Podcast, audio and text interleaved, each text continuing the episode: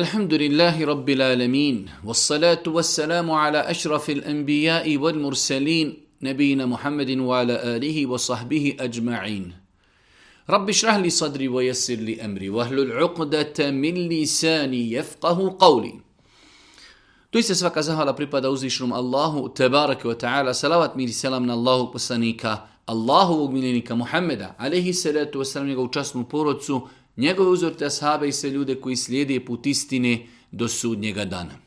Uvaženi braću i poštovani sestri, uvaženi gledatelji, Esselamu alaikum wa rahmetullahi wa barakatuh. Dobro nam došli u još jednu emisiju koju se družimo sa vašim pitanjima i vašim dilemama vezanim za vjeru Islam. Napominjemo po ko koji put da je doista mnogo pitanja koja stižu na našu e-mail adresu. Nemoguće stići odgovoriti na sva pitanja, što zbog mnošta pitanja, isto tako određena pitanja su teška, komplikovana, iziskuju dosta znanja i iziskuju dosta više truda. Ono što želimo napomenuti jeste činjenica da ne možemo stići odgovoriti na sva pitanja. Neki nam ljudi to i zamjeri, ali generalno gledajući mi smatramo da smo e, postigli željeni cilj od ovih emisija.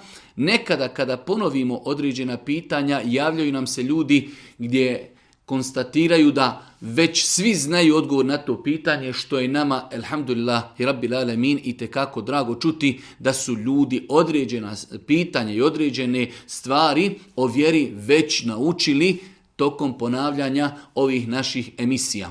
Allah Đerašanu molimo da ukabuli ono što radimo i da nas poduči korisnom znanju. Večeras ćemo, ako Bog da, ponovo kratko i rezimirano odgovarati na vaša pitanja, ako bi uspjeli, ako Bog da odgovoriti na 50 pitanja vaših, to bi bilo dobro. Prvo pitanje, ovo je 47. naša emisija, a treća emisija u mjesecu Ramazanu. Esselamu alaikum, pitanje vezano za zekijat. Dostigao sam nisab od 10.000 maraka. Da li u toku godine smijem trošiti nešto od tog novca? I za godinu dana ostanem 5.000. Da li na tih 5.000 dajem 2,5 odstup Znači, braću moje drage i ciljni sestre, jedno veoma bitno pitanje kada je u pitanju izdvajanje zekijata na novac. Da bi nam obaveza bila izdvojiti zekijat na novac, naš novac treba da dostigne nisab. Ovi godini je to otprilike 10.500 konvertibilnih maraka. Dostigli smo nisab. Taj nisab mora ostati takav cijelu godinu. Ako smo dostigli prvog šestog primjera radi nisab, nisab treba da ostane tokom cijele godine E, znači e, do prvog šestog sljedeće godine da nikada nije padao ispod 10,5 hiljada konvertibilnih maraka.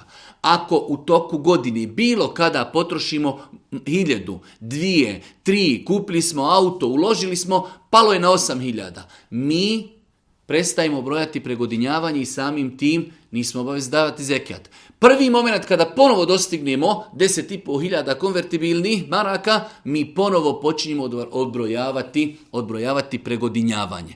Znači, da bi zekijat bio obaveza, nisab mora pregodiniti da nikako nije padao ispod granice nisaba. Ako padne ispod granice nisaba, mi počinjemo novo brojanje od momenta kada podovo dostignemo nisab. U ovom slučaju čovjek kaže imam nisab, trošio sam pare i na kraju godine tog pregodinjavanja imam 5000. Znači, takvoj osobi nije obaveza davati zekat. Kada prvi put dostigne ponovo nisab, zapisat će taj datum i počinje odbrojavanje godini. Ako na kraju godine znači bude imala kontinuirano nisab, izdvaja 2,5 odstup. E, pitanje, malo duže, ali u svakom slučaju prošlo sam trudnoću, izgubila u osmu mjesecu dijete. Sad sam ponovo trudna. Zanima da li smo dužni suprug i ja dati vitr za bebu u stomaku. Ima li neki lijep način da zahvalimo Allahu subhanu wa ta'ala što nas ponovo obradovao e, bebom? Kada u pitanju novorođenče, e, odnosno beba u stomaku koja se još nije rodila, da li je obaveza dati na nju sadekatul fitr ili ne? Islamski činjaci su kazali da nije obaveza. Znači, dijete koji se nije rodilo još u Ramazanu, dočekali smo Bajram, dijete se još nije rodilo, na takvo dijete, znači za takvo dijete se može dati sada fitr, za takvo dijete se može dati sada fitr, ali nije obaveza. Ali nije obaveza. Znači, dijete koji se još nije rodilo do Bajrama, ili do noći u oči Bajrama, ako se nije još rodilo, nije nam obaveza na njega da izdvojimo sada katul fitr, ali ako to izdvojimo, lijepo smo postupili. ako sam jedne godine dao zekijat, na primjer, 15. Muharrema. Da li sam griješan ako sljedeće godine dadnim 16. Nije inšala biznila čovjek griješan. Znači islamski učinjaci generalno kažu da čovjek treba požuriti sa izdvajanjem zekijata. Ako se desilo pregodinjavanje 15. znači čovjek treba već taj dan sutra već da realizira svoj zekijat. Ali ovdje u pitanju 15. je počelo pregodinjavanje, 16. da izdvoji, izdvoji se zekijat, uz Allahu pomoć nadamo se da to nije problem. Znači generalno je pravilo da čovjek dok završi njegovo pregodinjavanje i pregodinjavanje se računa po hijdžetskim mjesecima. Hijdžetska godina je kraća od ove naše godine, desetak do 15 dana, tako da je veoma bitno paziti na taj moment, znači pregodinjavanje se računa po hijdžetskim mjesecima. Kada se završi pregodinjavanje i metka našeg, trebamo odmah požuriti sa izdvajanjem zekijata. da li osoba koja umri u Ramazanu ulazi u džennet? E, generalno gledajući ne postoji dokaz koji ukazuje da osoba koja umre u Ramazanu samo zbog toga što je umrla u Ramazanu ide u džennet. Pa zamislite činjenicu čovjek nije klanjao, nije postio i tako dalje, umro u Ramazanu ide u džennet. Ne, ne postoje znači argumenti koji ukazuju da čovjek koji umre u Ramazanu ima neku posebnost. Ima hadis Božih poslanika ali se reto sram da je kazao ko posti dan – na Allahovom putu radi Allahovog lica i tim dijelom, znači postiju i tim dijelom mu budu zapečačenja njegova dijela, ući će u džennet. Ali to se ne odnosi samo na Ramazan. Može se desiti u toku godine da čovjek posti i taj dan znači mu je zadnje dobro djelo koje radio post, nakon toga umre, on će ući u džennet. Znači, e, imamo osobenost da čovjek koji uradi dobro djelo kao što je post, i to mu bude posljednje dobro djelo, on će ući u džennet. Tako da, rezimiram odgovor, ne postoje posebni argumenti koji ukazuju na to da čovjek će biti dženetlija ako je umro u Ramazanu, postoje argumenti koji ukazuju na vrijednost toga da čovjek umre u danu kada je postio, da to bude dan e, znači u kojem je on zapečatio svoja dobra djela postom. E, šta je najbolje učiti malom djetetu koje je nervozno i da li je dozvoljeno obilježavati rođendan djetetu u krugu porodici? Dva pitanja od iste osobe. Kada je u pitanju učenje e, djeci, šta je najbolje učiti? Najbolje učiti onu dovu koju je Boži poslanik Ali salatu wasalam učio svojim unucima. U'idhukuma bi Allahi tamme min kulli šeitanin wahame wa min kulli ajnillame. U'idhukuma bi kalimatillahi tamme min kulli šeitanin wahame wa min kulli ajnin lame. Znači naučiti ovu dovu. Ako je u pitanju jedno dijete, ova je e, dova izrečena u dvojini zato što je Boži poslanik učio Hasanu i Huseinu. Ali ako je u pitanju jedno dijete, onda se kaže U'idhuke bi kalimatillahi tamme min kulli šeitanin wahame wa min kulli ajnin lame. E, isto tako može se znači djeci proučiti ajetul kursi, može se djeci proučiti kulhu, kulhu valla, kul auzu bi kul auzu nas, fatiha, sve su to lijepe stvari, znači da učimo prema djeci i prilikom učenja Kur'ana da malo pljucnemo, ali bez pljuvačke, znači samo zrak i proučimo Fatihu, proučimo kul huvalla, kul auzu bi kul auzu nas, ajetul kursi, sve je to ako Bog da dobro proučiti proučiti djeci.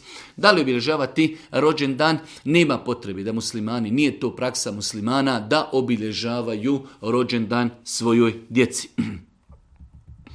Da li žensko može staviti kap od dukserice umjesto mahrami kada klanja i da li je to zabranjeno?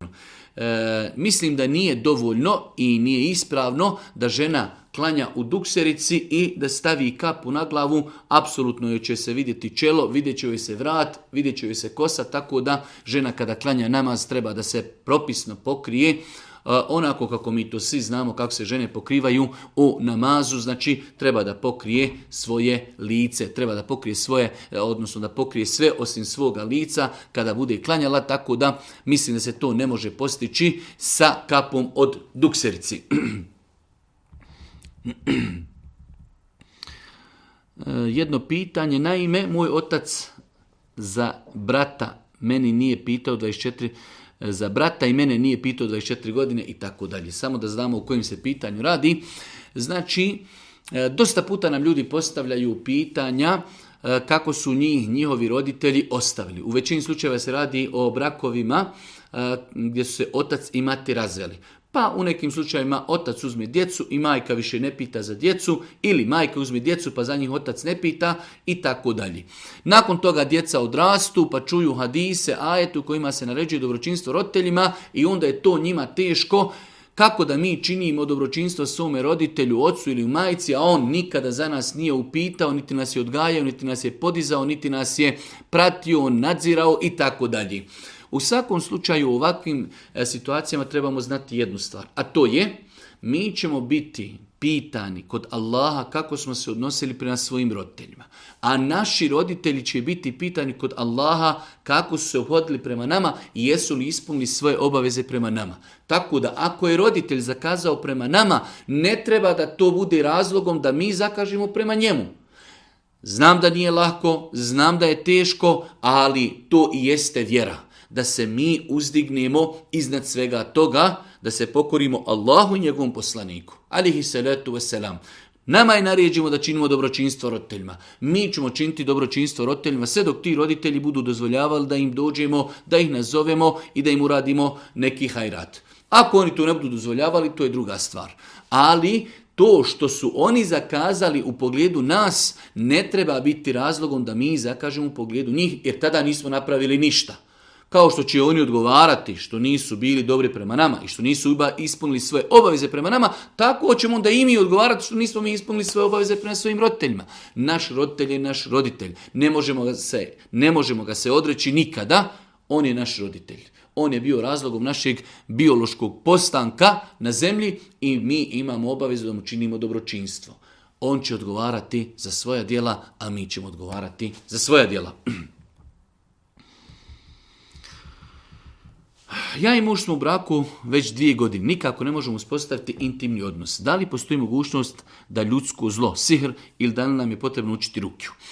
E, dešava se, hajde da kažemo, nećemo kazati počesto, ali dešavaju se slučajevi kada ljudi u braku ne mogu stupiti u intimni kontakt, nekada je to sedmica, nekada je to mjesec, Prošli put, koliko sjećam, imali smo u emisiji pitanje 8 mjeseci e, supružnici nisu stupili u intimni kontakt, a evo imamo ovdje slučaj dvije godine da ljudi imaju problema sa intimom. E, takve stvari se trebaju rješavati na jedan od dva načina, odnosno jedan drugi ne isključuje i da se pokuša otići kod ispravnog učača rukije. Jer može biti razlog toga što čovjek i žena ne mogu imati normalan intimni kontakt, da je neko znači, napravio sihr ili nešto slično tome. Znači pa to treba pokušati liječiti na ispravan način učenja ruke.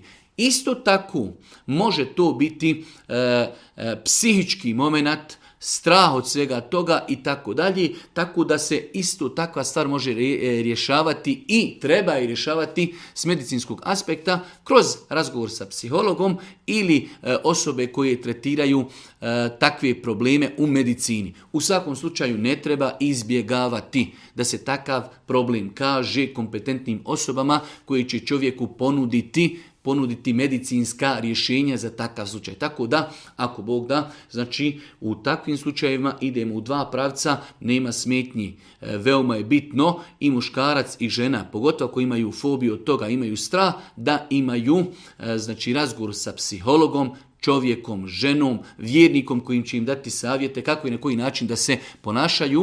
E, svakako u svemu tome e, i kada im ponudi rješenje, da to rješenje bude u skladu sa islamom. A isto tako rekli smo da to ne isključuje, ne isključuje mogućnost postojanja džinsko-šetanskog djelovanja gdje se to treba rješavati putem učenja ruki. Prva nedoumica što se tiče stomačnih tegoba, da li ispuštanje gasova kvari post? Evo, nikada nisam čuo za takvo pitanje, ali, nažalost, opet imamo i takvih pitanja. Zamislite da čovjek e, u toku posta ne smije i znači da ode u WC i ne smije da ispusti vjetar. Koliko bi to težavalo ljudima e, post, odnosno činilo bi post nemogućim. Tako da možemo slobodno kasati ispuštanje gasova ne kvari, ispuštanje gasova ne kvari post i nikada niko od islamskoj činjaka to nije smatrao znači e, da kvari post ispuštanje gasova ne kvari post. Druga nedoumica se tiče poslije čišćenja od malih nuždi papirom. Desi se da urin takni ruku. Da li to kvari post? Da li doticanje neđaseta kvari post? Bez obzira o kojem neđasetu se radilo, doticanje neđaseta e, nema nikakve veze sa, sa našim postom. Može čovjek imati problem da onečisti svoju odjeću, svoje ruke ili žena kada peri svoje dijete e, i tako dalje. To nema nikakve veze sa to nema nikakve veze sa postom. E, Esselamu alaikum, šta trebam urati da bi se pokajo do uzvišenog, pokaju do uzvišenog Allahu? Hvala uzvišenom Allahu, a nakon toga i tebi krenuo sam na pravi put, tri dana redom klanjam i tako dalje. Kada su pitanje osobe koje žele da se vrati uzvišenom Allahu te barek ta'ala, e, one trebaju kako da se pokaju, da bi pokajanje bilo primljeno kod uzvišnog Allaha te tela treba da se ispuni nekoliko uvjeta. Prva stvar da čovjek odma prestani sa činjenjem griha Ako čovjek želi da se pokaje zato što je e, pio alkohol, a zato što je išao u kladioncu, zato što je činio nemoral, zato što je krao, zato što je lagao, zato što nije postio, prva stvar jeste ostavljanje tog griha. Druga stvar, da se čvrsto pokaje zbog onoga što je činio. Znači da mu je žao što je to činio. I treća stvar, da čvrsto odluči da se nikada više neće vratiti tom grijehu. Znači mi smo prestali, kajemo se, žao nam je što smo to radili i donosimo čvrstu odluku, više se nikada neću vratiti tom grijehu. Ako insan ispuni ova tri uvjeta u grijesima koji su vezani između njega i Allaha, nadamo se inšal da je njegovo pokajanje ispravno, potpuno i da će mu uzvišenje Allah subhanahu oprostiti grijehe. Ako je u pitanju grijeh E, između nas i ljudi, gdje smo mi zakinuli ljude u njihovim hakovima i njihovim pravima, onda nam je obaveza da, kao sastavni dio teube i pokajanja, da ispunimo njima ono u čemu smo ih zakinuli. Jedno poručno pitanje, e, ako sam navila alarm da bi ustala na sehur i nisam čula sehur, jer najveće pijem tablete za spavanje, a moj muž je čuo da čuo kad kod mene zvoni alarm. Da li je on grešan što mene nije namjerno htio probuti sam sebi pravio sehur? I da li sam ja grešan što nisam čula i on sutra dan je ljut i djeci govori kak sam ja loša majka. Insan koji je prespavao sehur, a nanijetio je da ustane sehur, prvo njegov post je ispravan. Jer naš nije da ustanemo na sehur je dovoljan da smo zanijetili post. To što čovjek je ustao, nije htio da budi svoju suprugu i sam sebi spremao, to je njegova stvar, njegova supruga nema sa tim ništa u smislu grijeha. Insan kada spava, ne čuje alarm, njemu se u islamu ne, ne pišu grijesi samim tim i čak relacije između čovjeka i ženi, znači odnosi se na njihovo pravilo, insan ako E, nije čuo alarm, nije ustao, svakako da nije griješan, a opet sada e, od toga praviti, od toga praviti problem i djeci govoriti kako je to loša majka, ne ustaje da čovjeku pripremi sehurje, znači pokazatelj, pokazatelj loših odnosa između čovjeka i žene u toj porodici. Moji roditelji, mama i babo su sakupili dio para za hađ. Dakle, mama oko 8200, a i baba 8200. Da li se ovaj novac, znači da li se na ovaj novac daje zekijat? Ja sam malo dodatno priupitao u, pogledu ovog novca, znači radi se o novcu koje je njihov sin njima poklonu. Ako se radi o tome da otac i mati, znači čovjek i žena, svako zasebno ima novac koji nije dostigao nisab, da li oni moraju taj novac spojiti da bi davali zekat? Ne. Ako je sin kazao majci, evo ti majka 8200 da bi mogla ići na hađ. I kazao ocu, evo ti 8200 tebi u vlasništvo da bi mogao ići na hađ. To je njihov privatni sada imetak i nisu obavezni da ga spoje kako bi na njega izdvojili zekat, a niko od njih pojedinačno nije nije dostigao znači nisab. Tako da u takvim situacijama, znači više puta smo govorili, ako muž i žena zasebno imaju odvojen imetak koji ne dostiže nisab, oni nisu obavezni izdvajati zekjat, a ako bi oni spojili taj imetak, on bi dostigao nisav, njima nije obaveza da spoji taj imetak i samim tim nije obaveza da izdvajaju zekjat. Da li se gledanje nekog islamskog predavanja u noći Lele Kader ubraje u vrstu ibadeta? Noć Lejletul Kader insan treba pokušati maksimalno da provede što više u namazu. Jer je Boži poslanik kazao ko provede noć kadera u kijamu, stojeći klanjajući. Pa je najbitnije i e, najpotrebnije čovjek što više klanja, u svemu tome i što više dovi, u svemu tome i što više uči Kur'an, u svemu tome i što više e, spominje Allaha te barakvetala. To su neka četiri temeljna ibadeta koje čovjek treba da čini u noći Lejletul Kader. Što više namaza, što više E, znači učenja Kur'ana, što više dove i što više zikrullah, četiri stvari. Ali ako bi čovjek u tom nekom, da kažemo, slobodnom među prostoru i vremenu i poslušao neko predavanje, on je svakako u hajru, ali sad da čovjek presluša za jednu noć pet predavanja i kaže evo ja sam cijelu noć slušao predavanja, mislim da tako ne treba postupati, treba se potruditi da čovjek što više klanja, da što više uči Kur'an, da što više dovi, da što više istigfara i zikrullaha čini, a ako ima dne slobodnog vremena, da preša neki videoklip ili neko predavanje o vrijednosti noći Lele Tolkadera, inšala biznila, on je u hajru. Je li dopušteno da platim učenja hatmi e, za svoga umrlog oca? Nije ispravno. Nije ispravno plaćati nekome da prouči hatmu za našeg umrlog, da li se radilo o ocu ili majici. E, nažalost, to je jedna ustajna praksa na našem podneblju. E, od toga neće imati niko korist. Niti onaj koji je uplatio, niti onaj na čije se ime platilo, imat će korist onaj kome se platilo. Imat će korist Dunjalučku, taj ibadet koji se tako uradi ne stiže do našeg medjita. Ono što je alternativa jeste da mi Proučimo nešto od Kur'ana, ono što znamo, da proučimo tri puta kul huvallah, jer Boži poslanik kaže sura kul huvallah vrijedi kao trećina Kur'ana.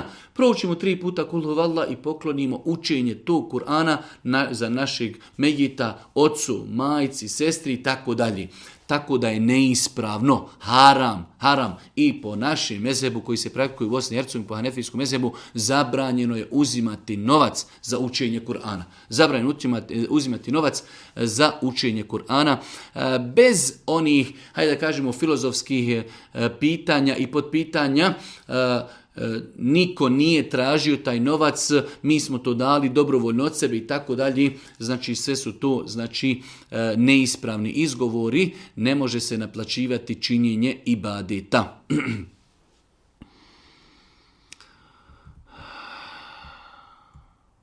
Tek sam počela učiti klanjati. Da li se moj namaz prima i da li je ako klanjam uz pomoć papira?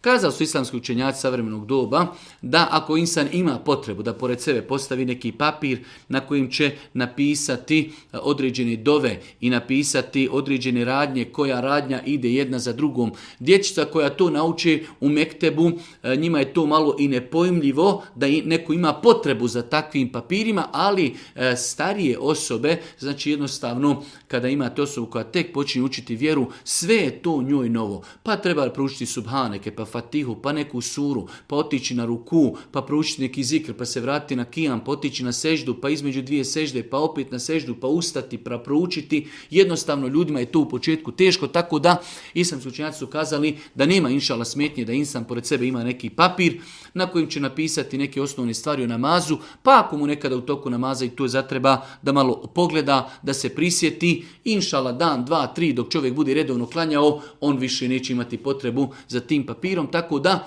inšala vizljena, nadamo se da je namaz tako obavljen, ispravan i validan. Jedno malo duže pitanje, a koje na kraju krajeva eh, govori o hijabu, ima sam osjećaj da se mogu vama obratiti jer pratim i znam koliko poznajete našu vjeru islam. Već dugo vremena razmišljam o hijabu, međutim kako je Ramazan počeo, to sam počela intenzivnije raditi. U svakom slučaju, e, jedna naša sestra od 17 godina želi da se pokrije. E, ono što je nju pogodilo jeste činjenica da je porazgovarala sa svojim roditeljima i e, vidjela je da oni nisu ni za ni protiv pa je tu nju u datom momentu malo i pogodilo, a ono što mi možemo kazati jeste činjenica da imamo situacija gdje su roditelji protiv. Tako da kada imamo situaciju, imamo djevojku od 17 godina, ona je već punoljetna, e, znači želi da se pokrije u toku mjeseca Ramazana ili povodom e, Bajrama, roditelji ne brani, ali nisu nešto plaho zato, to je ekstra situacija, bitno je da je ta djevojka shvatila da je obavezna da nosi hijab, ima želju, hoće da to uradi, roditelji joj to ne osporavaju. Tako da, samo znači ako Bog da što prija, što prija e, donijeti tu odluku, pokoriti se uzvišom Allahu subhanahu wa ta'ala i ja sam ubijeđen i čvrsto vjerujem da svaka naša sestra koja stavi mahramu će se zbog toga što to nije uradila prije, Kaja će se zbog ljepote koju će osjetiti onog momenta kada iz svoje kuće izađe, nosi svoju kronu, svoj hijab na glavi, sigurno će se kajati zašto to nije uradila e, znači prije toga. Tako da naša potpuna podrška ovoj našoj sestri od 17 godina, da se ako Bog da što prije pokrije, a ako Bog da roditelj će vremenom to i prihvatiti kada vidi kako ona lijepo izgleda, kako se lijepo ponaša, kako njen hijab pozitivno djeluje na nju i na njeno ponašanje, sigurno će to, ako Bog da, kod njih izazvati pozitivne, pozitivne reakcije. Šta znači kada neko e, podiže prst na seždi, to jest između dvije sežde? Šta znači? E, u svakom slučaju postoje određeni hadisi, ali E, ako je u pitanju e, zašto to ljudi radi, radi zato što je to preporučio Boži poslanik se salatu wasalam. U vjerodostojnim hadisima je potvrđeno da je Allah poslanik alaih salatu wasalam podizao svoj kaži prst kada bi sjedio na etehijatu kada bi sjedio na sjedenju u kojem se uči etehijat, u kojem se uči salavati. E sada postoji e, različita mišljenja i različiti stavovi, shodno opet hadisma Božih poslanika, da li je samo Boži poslanik podizao kaži prst okrenuo ga u pravcu kibli ili ga je i micao tokom učenja, tokom učenja etehijatu i salavata. Inšala bizna oba mišljenja su ispravna, imaju svoje dokaze, iako s aspekta hadijskog e, jače je mišljenje da treba samo podignuti prst i usmjeriti ga u pravcu znači kibli i tako učiti etehijatu i salavate imaju određene hadise u kojima se kaže da je to micanje prsta šetanu teže neko udaranje znači nekom, nekom željeznom šipkom ili slično tome, ali u svakom slučaju muslimani to rade zato što je to bila praksa Božih poslanika alihi salatu wasalam. E, žensko sam, pitanje, eselamu alaikum, žensko sam. Naime, tokom držanja za ruke s momkom, primjećujem bijelu sluz iz polnog organa. Da li ta sluz kvari moj post ukoliko je izazvana od uzbuđenja? Jedna naša sestra e, tokom posta drži se za ruku sa svojim momkom, pa osjeti, znači primijeti isticanje bijeli sluzi iz spolnog organa. Da li to kvari post? Ne kvari post takav postupak ne kvari post. Ali možda prioritetnije se postavi pitanje da li je to dozvoljeno uopće raditi, pogotovo u danima kada čovjek posti. Nije djevojci koja nije udata dozvoljena da se dodiruje sa svojim momkom prije nego što stupi u brak, to je znači i mimo Ramazana i u Ramazanu, a u Ramazanu i kada posti, to je još dodatno e, gore i teže, zato što bi post trebao da ostavi na nas traga, da znači da se čuvamo i svoj pogled, i svoj sluh, i svoj dodir, i, svo, i tako dalje. Tako da, znači, e, ali ako se već to desilo, Znači sve dok nije došlo do e, orgazma, sve dok nije došlo do znači ejakuliranja sjemena, pusti inšala ispravan s tog aspekta, ali definitivno manju i nagradu posta i takav postupak držanje za ruku sa momkom je zabranjen kako prije Ramazana, tako i u Ramazanu.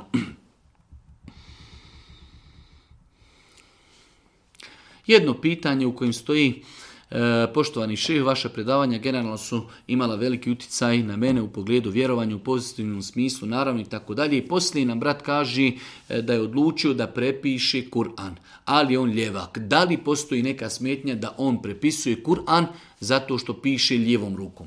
Kažu islamski učenjaci u tom kontekstu da osoba koja jednostavno ne zna pisati desnom rukom, ljevake piše lijevom rukom, nema nikakve smetnje s aspekta islama da generalno u životu piše lijevom rukom, e sada nekada će pisati hadise, nekada će pisati ajete, nekada će pisati predavanja, nekada će pisati nešto dunjalučki, ako Bog da nema nikakve smetnje kojom rukom čovjek piše, bez obzira da li pisao Kur'an ili nešto drugo.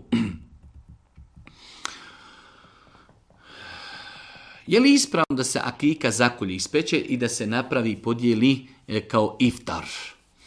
Nema nikakve smetnje da čovjek u toku Ramazana zakolje za svoje novorođenče akiku, akiku, a nakon toga ispeće i podijeli ljudima da li će on njih pozvati pa da oni kod njega svi iftari ili će odnijeti svojim komšijama svakome na tanjir po kilu i po dvije manje ili više za iftar ako Bog da sve to ispravno. Znači, nema nikakve smetnje da čovjek u toku Ramazana zakolje akiku za svoje novorođenče, može ga ispeći to meso i pozvati ljude ko sebe na iftar ili može prije iftara, znači svojim komšijama, poznanicima prijateljima podijeliti to ispečeno meso. Sve je to, ako Bog da, ispravno i dozvoljeno.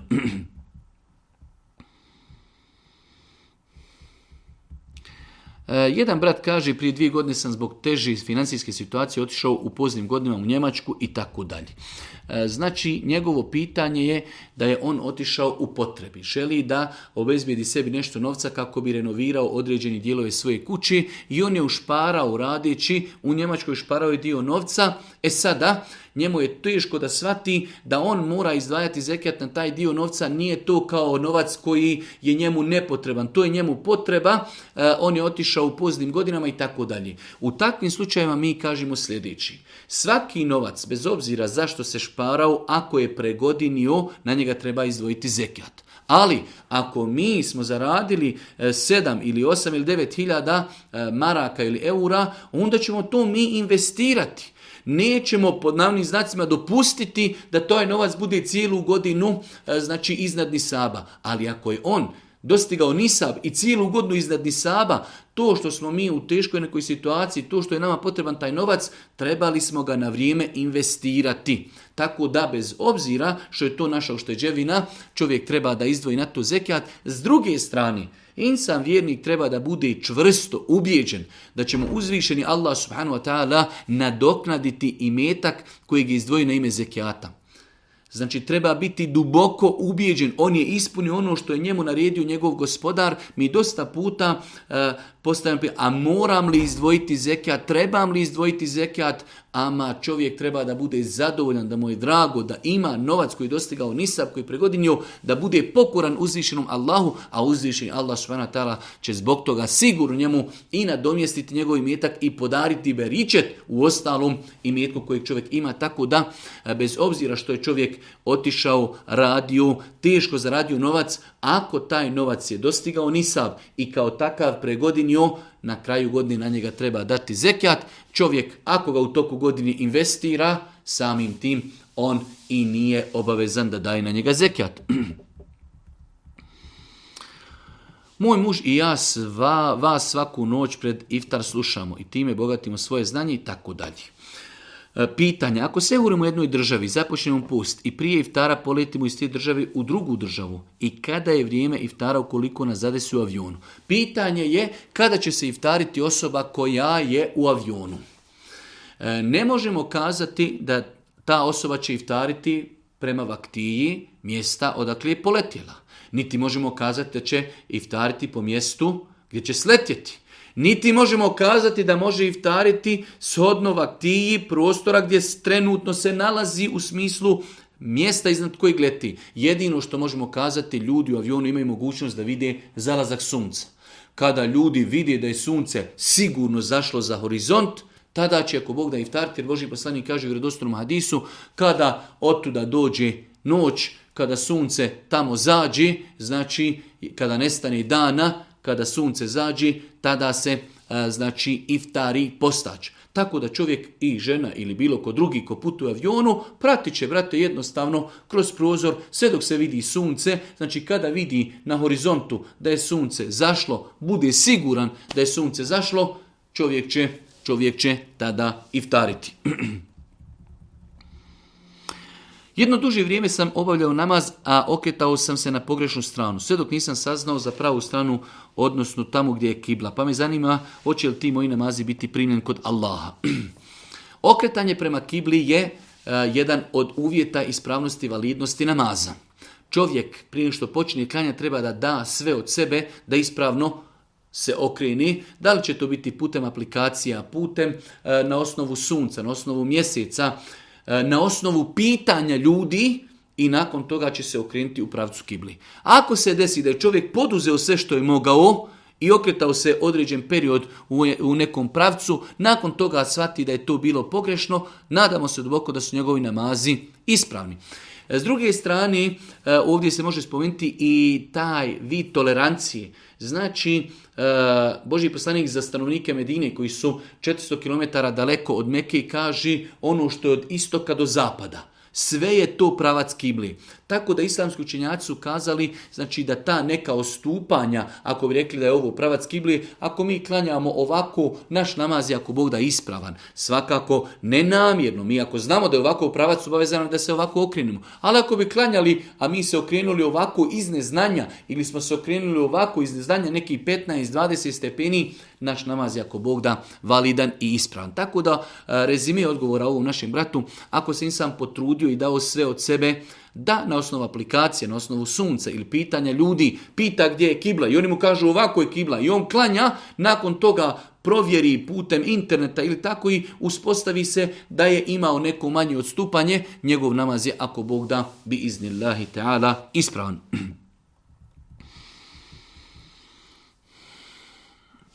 Imam jedno pitanje u vezi vitr namaza. Da li se umjesto kunu dovi može proučiti tri puta sura Ihlas? To mi je kazala moja majka.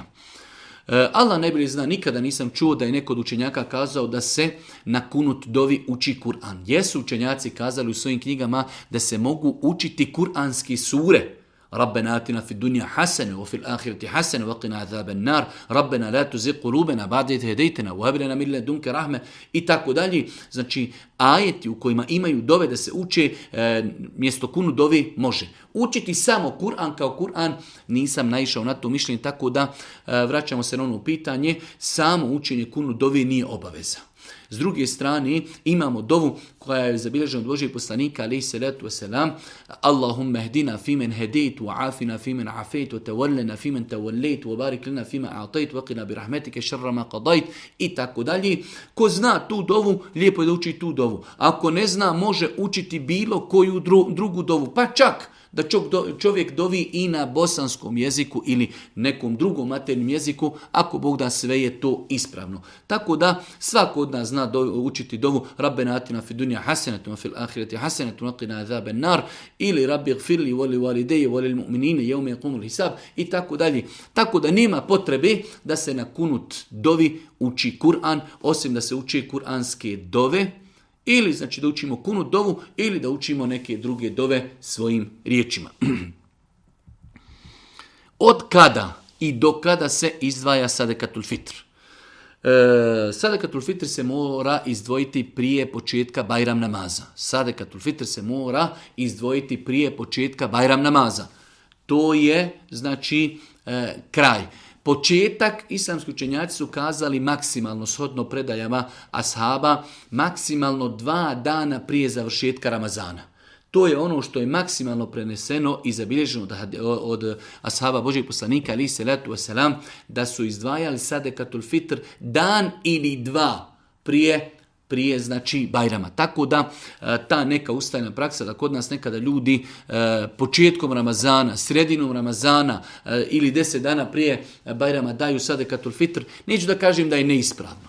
Ali E, nije u skladu sa praksom ashaba koji su najbolje shvatili e, znači propise i najbolje shvatili sunet Božih poslanika. Oni su svoje sadakatul fitrove izdvajali dan ili maksimalno dva dana prije Bajrama, tako da insan e, treba da pazi na svoj ibadet. Izdvajanje sadakatul fitra je jedan od velikih ibadeta u islamu. Insan treba da se potrudi maksimalno da taj njegov ibadet bude ispravan, obavljen onako kako nam je naređen i preporučen, tako da E, najbolje da se sada fitr izdvoji, izdvoji znači maksimalno dan ili dva prije Bajrama.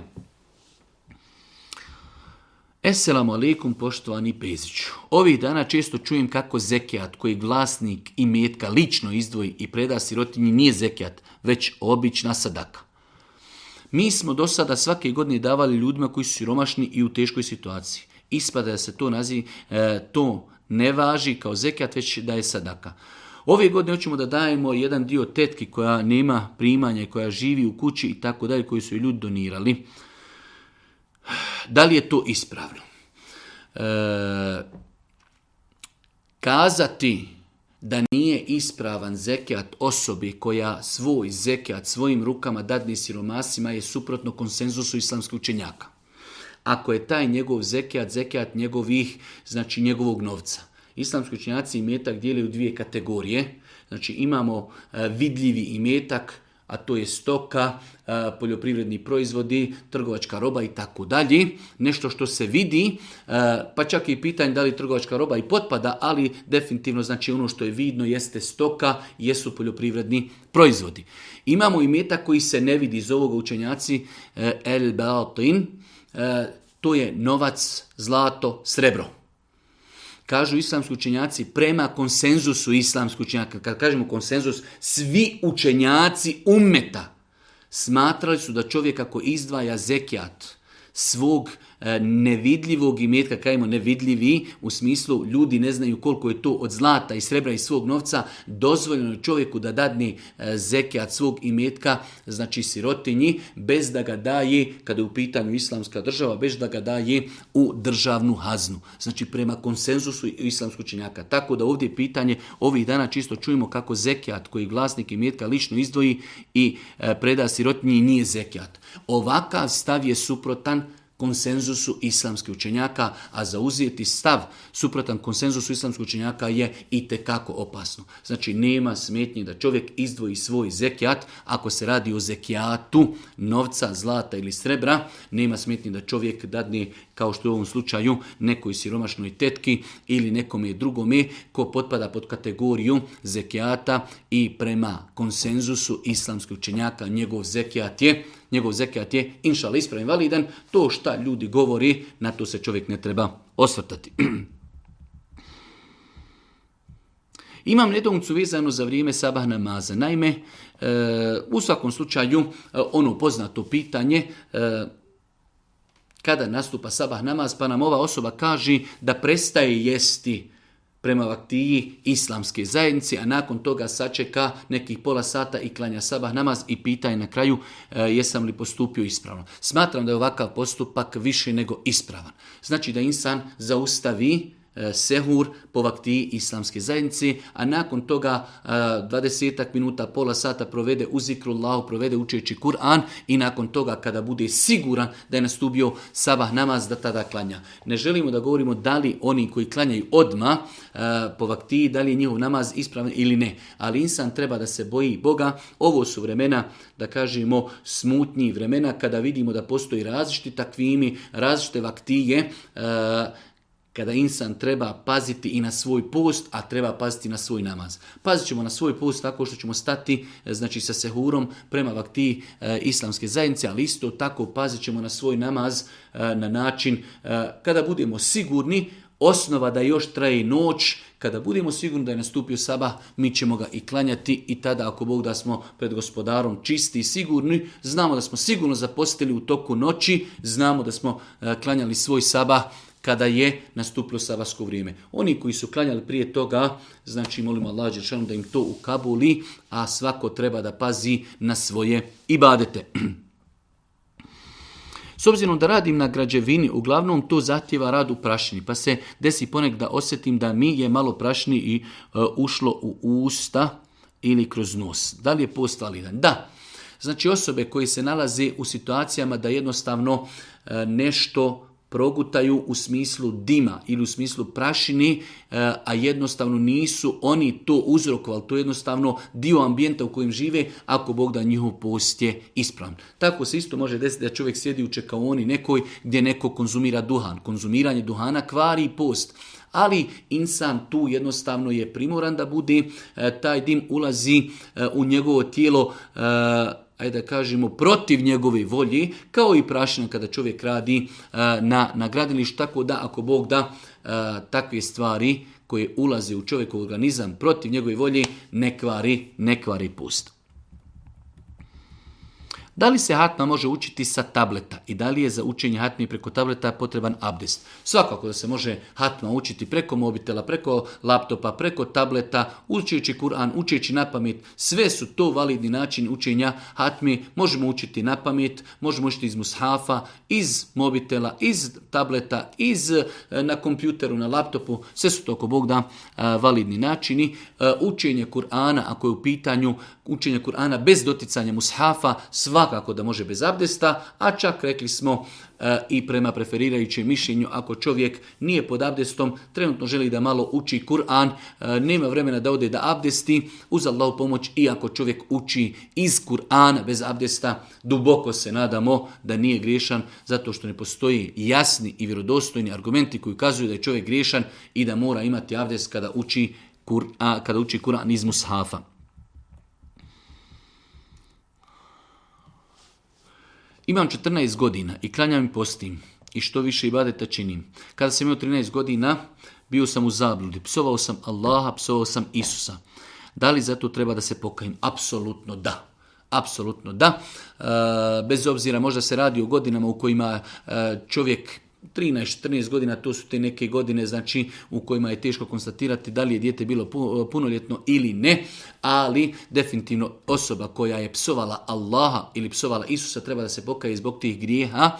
Psovanje Allaha te barakve ta'ala je grijeh koji punoljetne osobe muslimane koji to urade, izvode iz vjere prema konsenzusu islamskih učenjaka.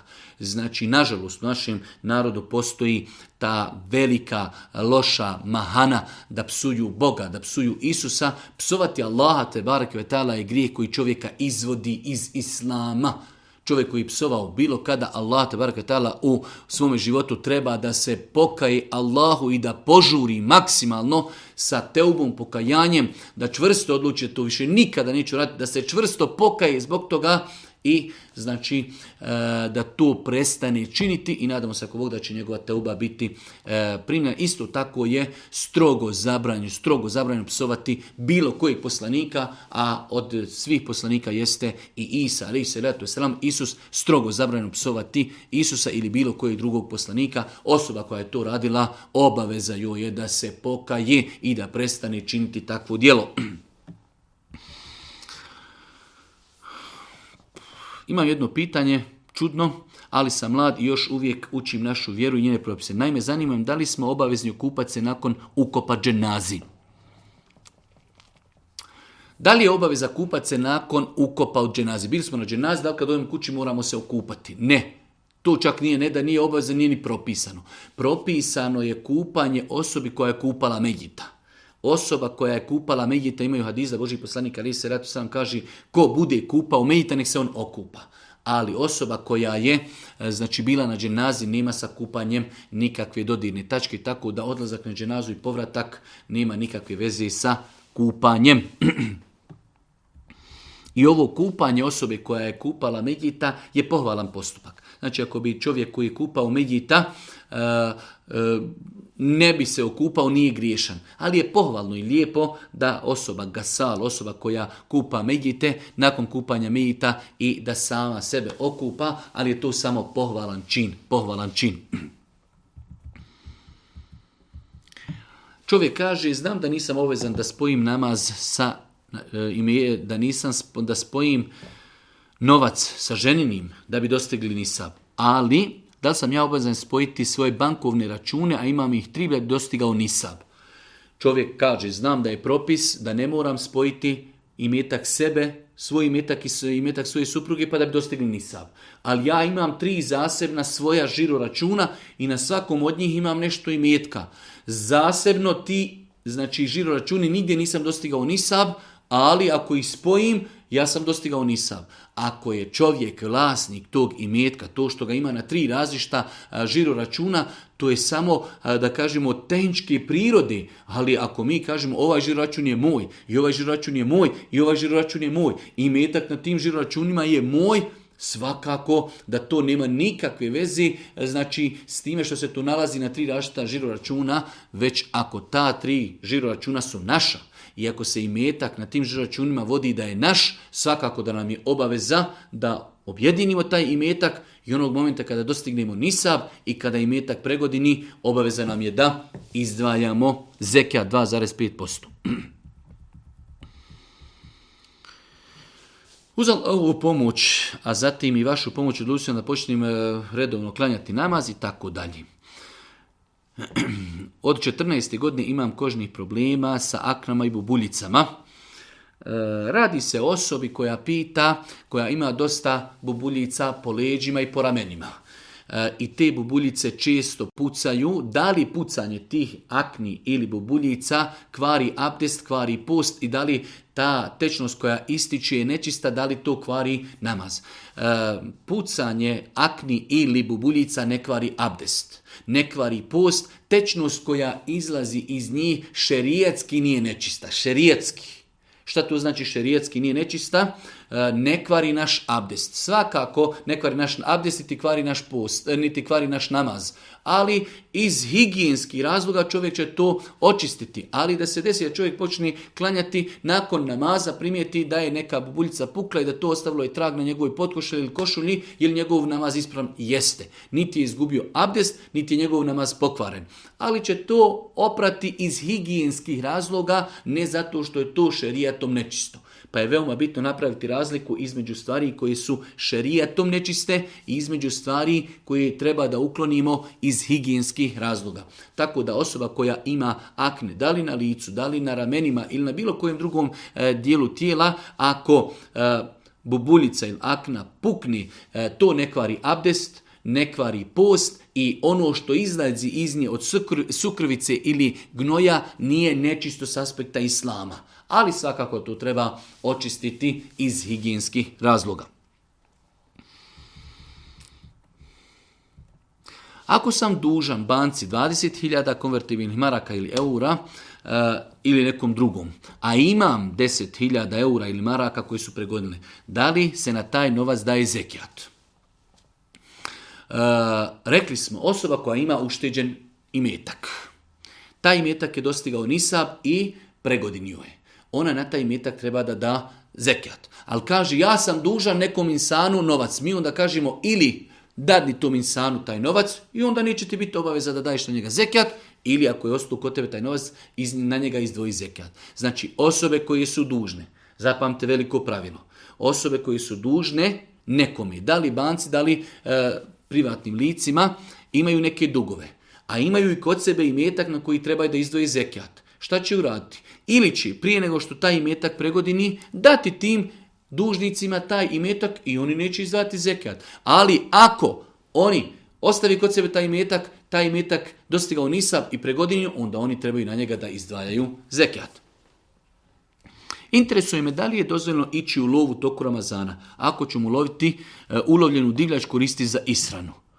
E, ako znači nema smetnje da čovjek u toku lova u toku posta bavi se lovom pa makar u toku posta i ubio neku divljač koju će jesti. Ali ako se ovdje misli na je, da će čovjek to jesti u toku posta, svakako da čovjek u toku posta ne smije ništa jesti. Ali ako će to jesti nakon iftara, post, generalno gledajući lov, ribolov ili nešto drugo, nema nikakve veze sa postom. To što ćemo, to smo mi, e, šta ja znam, da li u pitanju zec, da li u pitanju srna ili nešto drugo što je znači od divljači koje, čije meso jestivo, što ćemo mi to uloviti, pa to je isto identično čovjek kod kuće u toku posta zakolji ovcu, da zakolje kravu, da zakolje tele. To što smo mi zaklali kravu ili tele, to nikako ne znači da smo pokvarili post. Tako da rezimiramo, e, u toku posta nema smetnje se čovjek bavi lovom ili ribolovom, bez obzira da li će u lovu uloviti ribe ili u ribolovu ili u lovu uloviti srnu ili srndača ili e, zeca i tako dalje. Bitno je da to ne konzumira u toku posta, nakon iftara neka radi šta želi.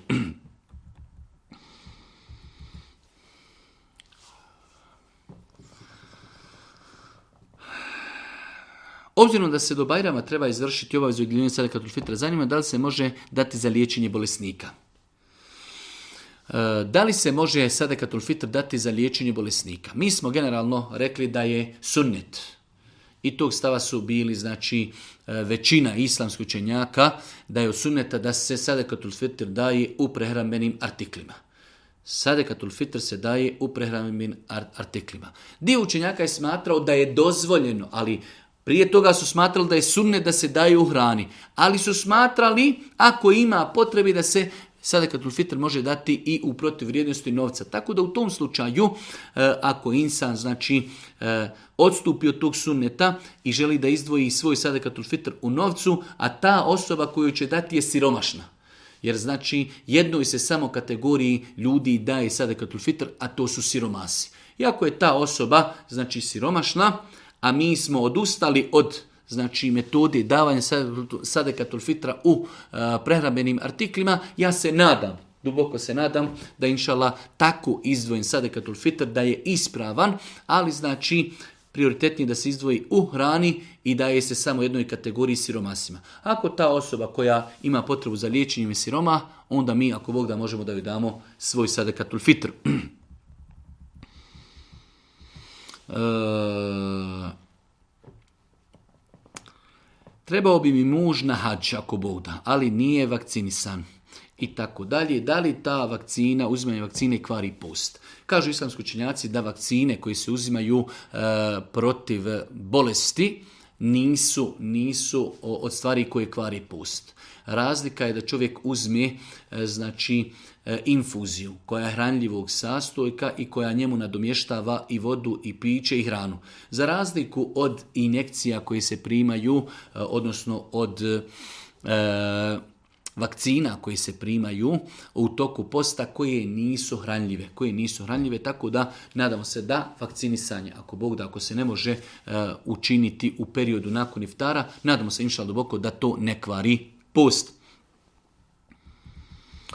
Sa mužom smo, e, sam imala intimni odnos prije sehura. Zatim smo legli spavati, nismo čuli alarm za buđenje na sehur. Znači, imali smo namjeru da ustanemo na sehur, naštimali smo alarm, ali nismo ustali. To nam je mnogo bitno.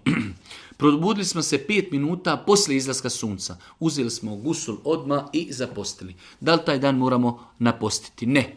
Ne mora se napostiti. Znači osoba koja je najveć imala intimni kontakt i naštimala je alarm da ustani na sehuri, da se okupa i da klanja saba. Prespavala je. Samim tim dok je na, na, naštimala alarm da ustani, to je njen nijet. Znači njen nijet je prisutan. Imamo nijet, e sada, to što smo prespavali, ustali smo nakon izlaska sunca, čovjek će se okupati, klanjati saba, a ima već namjeru samim činom da je htio da ustane sehur, to je njegova namjera, tako da je ako Bog da post validan, e, E, namaz je ako Bog da validan zato što je Boži poslanik ali se ratu selam e, znači rekao čovjeku e, da jedinu odnosno rekao je i dozvolio da se naklanjava namaz nakon njegovog namaskog vremena u dvije situacije kada se prespava i kada se zaboravi. U ovom slučaju ljudi su naštimali alarm, alarm nisu ga čuli, ustali su nakon izlaska sunca, okupali se, klanjali saba nema potrebe, znači njihov post je validan, njihov namaz je validan i nema potrebe da se taj dan napašta.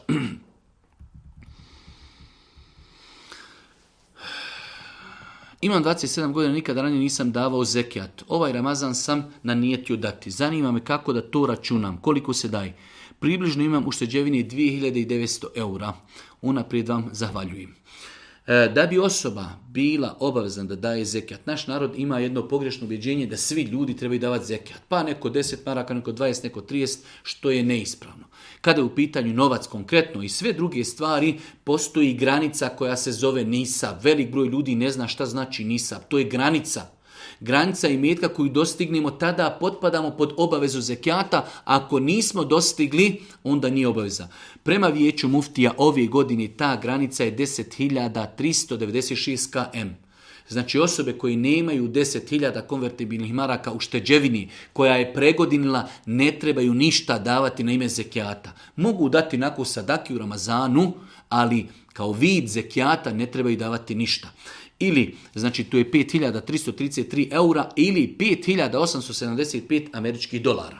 Ovdje kaže čovjek ja imam 2900 eura, a Nisabe 2333.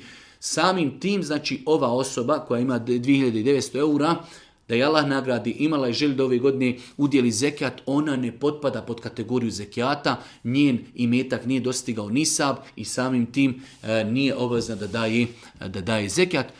Insan u toku Ramazana lijepo i pohvalno da, znači u toku dana kada posti na veći udjeli neku sadaku, ali ne kao vid ali ne kao vid obaveze. Znači nisam za ovu godinu prema vijeću muftija u Bosni je 10.396 konvertibilnih maraka ili 5.333 eura ili 5.875 američkih dolara. Osobe koje imaju ovaj novac Dostigli su ga i kao takav je pre u godinu dana nikada nije padao ispod tog nivoa. Njima je obaveza na sav svoj taj imetak koji je pregodinio da dadnu zekijat. Kako će dati cifru? Ako imam 30.000 maraka, podijeli sa 40.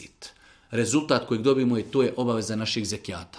Ako znači imamo 40.000, podijeli na 40, jednako je toliko, dadnemo 1000 konvertibilnih maraka i to je to. Znači, najlakši način izračunavanja, kako izračunati 2,5% jeste da cifru koju posjedujemo podijelimo sa brojem 40. Rezultat kojeg dobijemo toliko trebamo dati zekijata. E, mi smo u planu bili da odgovorimo na 50 pitanja večeras, ali se već odužlava naša emisija. Odgovorit ćemo još na ovo posljednje pitanje, a ako Bog da u narednim emisijama ćemo odgovoriti na pitanja koja smo pripremili za večeras. Pitanje, želim da priđem na islam, pa me zanima da li mogu ja kao osoba koja nikada nije prije imala doticaja s da priđem na islam. E, svakako, bez obzira e, insan kako se deklarisao prije nego što uđe u islam, da li je bio ateista, da li je bio kršćanin, da li je bio židov ili, ili, ili, bez obzira kako se deklarisao, svi ljudi mogu da prime islam. Od blagodati i potpunosti savršenstva islama jeste da svi ljudi, bez obzira na boju koži, bez obzira na koji jezik govori, bez obzira gdje su rođeni, bez obzira kako se njihovi roditelji deklarisali, bez obzira svako može da postane musliman. Znači, da li mogu da postane musliman zato što jednostavno prije toga nisam imao nikakav dodir sa vjerom? Svakako. I ljudi ateisti, i ljudi koji su odrasli u porocama koji se deklarišu kao kršćanske ili židovske, a nisu prakticirali vjeru, da li čovjek može postati musliman? Da. Drugo potpitanje. Eh, moji roditelji nisu bili vjernici ali po nekom pravilu smatrali su se kršćani, nisu me sunetili. Sada ima 23 godine, hoću li moći obaviti sunnet? Da li čovjek u 23. godini može da se osunneti? Svakako da može, ali svakako ne treba to bude kamen spoticanja. Znači čovjek, mnogo je bitnije da čovjek razmišlja da primi islam, da se spasi vječni vatre na hiretu. Mi muslimani vjerujemo da svi ljudi koji su čuli za Muhammeda ali se selam, čuli za Kur'an, čuli za Islam i nisu povjerovali u Muhammeda inna dina inda Allahil Islam. Kaže Allah Žešanu, jedina prihvatljiva vjera kod Allaha je Islam. Svi ljudi koji su čuli za poslanika nakon perioda kada je Boži poslanik poslan, pa sve do sudnjega dana ne primijeli Islam, mi muslimani vjerujemo da su to nevjernici, da će vječno kao takvi ostati u vatri.